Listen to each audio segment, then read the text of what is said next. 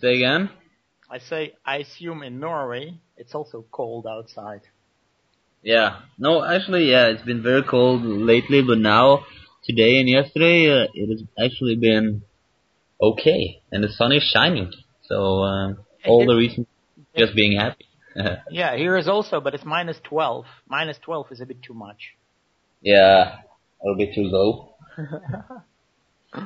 all right. Um, okay.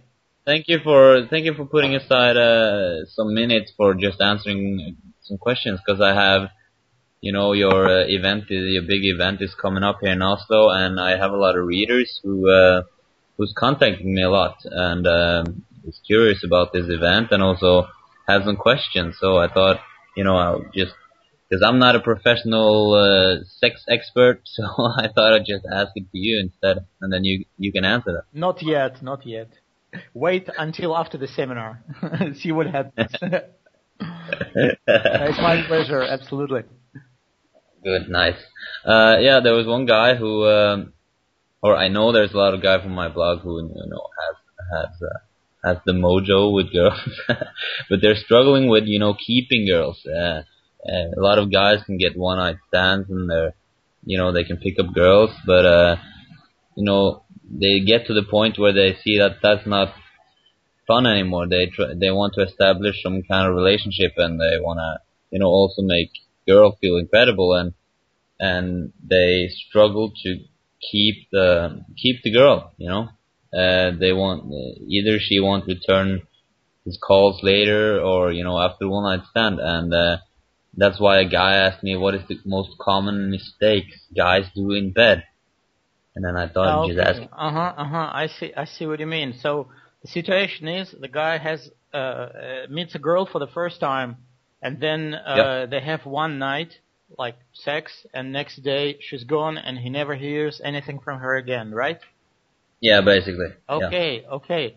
Uh, you see, there is actually there is a whole there might be a whole bunch of things.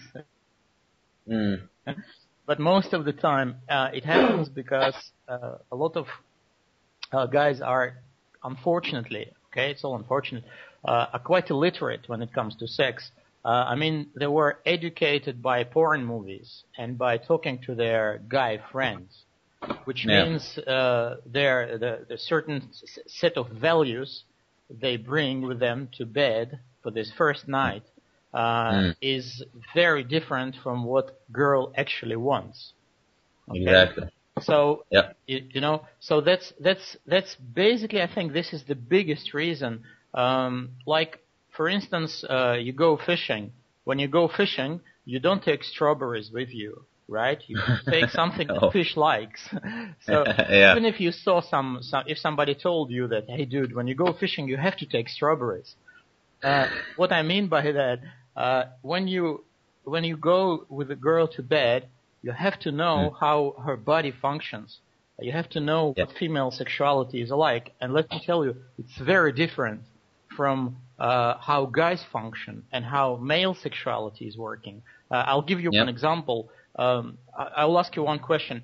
Uh, tell me, how long time does it take you when you see a beautiful girl to decide whether you want to go to, with uh, to go to bed with her or not? How long does it take?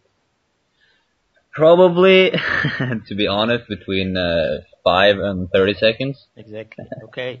So, you see, that's a great thing about it. Uh, you can pretty much assume because men and women were were like two completing opposites. So we, you can pretty much assume safely that for a girl it takes much longer. And mm-hmm. the same thing happens in bed when a guy gets into bed with a new girl and he shows himself to be like fast and uh, powerful and he comes within maybe 20 minutes, 15 minutes. Girl is not even warmed up. She's yeah, like, and he's, he's already finished. And she's like, huh? Is this it? And then the guy lights up cigarette, you know, starts all this tough, conversation yeah. he saw in a movie because movies pay pay attention when you watch like most of Hollywood movies how long sex takes place there they start kissing then next second you see them laying in bed over each other and then next mm. second they're already uh, smoking cigarettes and talking some important things, you know. Yeah, yeah. so true, man. Exactly. People unconsciously are like, okay, this is how great sex look like. So Mm. if you ask the guy after, he will say, oh, I was having um, sex exactly like Brad Pitt. You're like, huh? Yeah, just like Brad Pitt was in this movie, uh, Meet Joe Black. Three, three Yeah. minutes and then it, it was over, but I was cool. So basically, a next day, because girl, girls are very, very subtle. They're very soft. They will never say, dude, you sucked this night. you sucked." maybe, maybe they will. If she, Maybe they should. if girl is very drunk and she's not happy with your performance, she might say, uh, you know, fuck off. Yeah. That's basically she's gonna say, but it it will be like So what of- you're saying is, yeah, what you're saying is uh, guys need to slow down. I say that uh, basically guys have to uh, have to learn a little bit about how female arousal works, how female sexuality in general is. They have to slow down, but not only uh, the fucking part, you know, but they have Yeah. to slow down the whole the whole thing, you know. Yeah, They have yeah. to they have to kiss longer. They have to touch her longer. And I'll talk about it about these things. I talk about these things during my seminar. I spend a lot of time explaining people. And Yeah. after I hear the feedback and guys say, "Wow, uh, you know, like I, I just apply a few things you, you told us," and the girl go crazy. They just go insane, and they say like, "Wow, this kind of guy. I never met anybody like this before." So chances are big that if you simply slow down, you will become already one one of a hundred.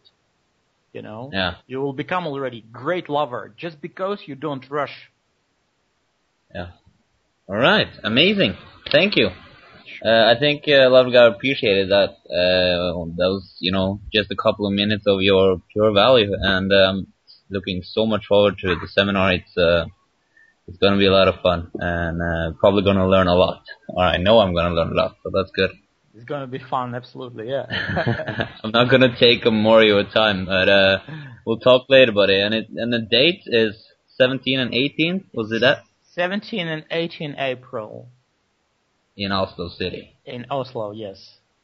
Success. All right. I'm looking forward to meeting you there. Absolutely. Great. Looking forward to it. Great. Thank you. Welcome. Bye. Bye bye.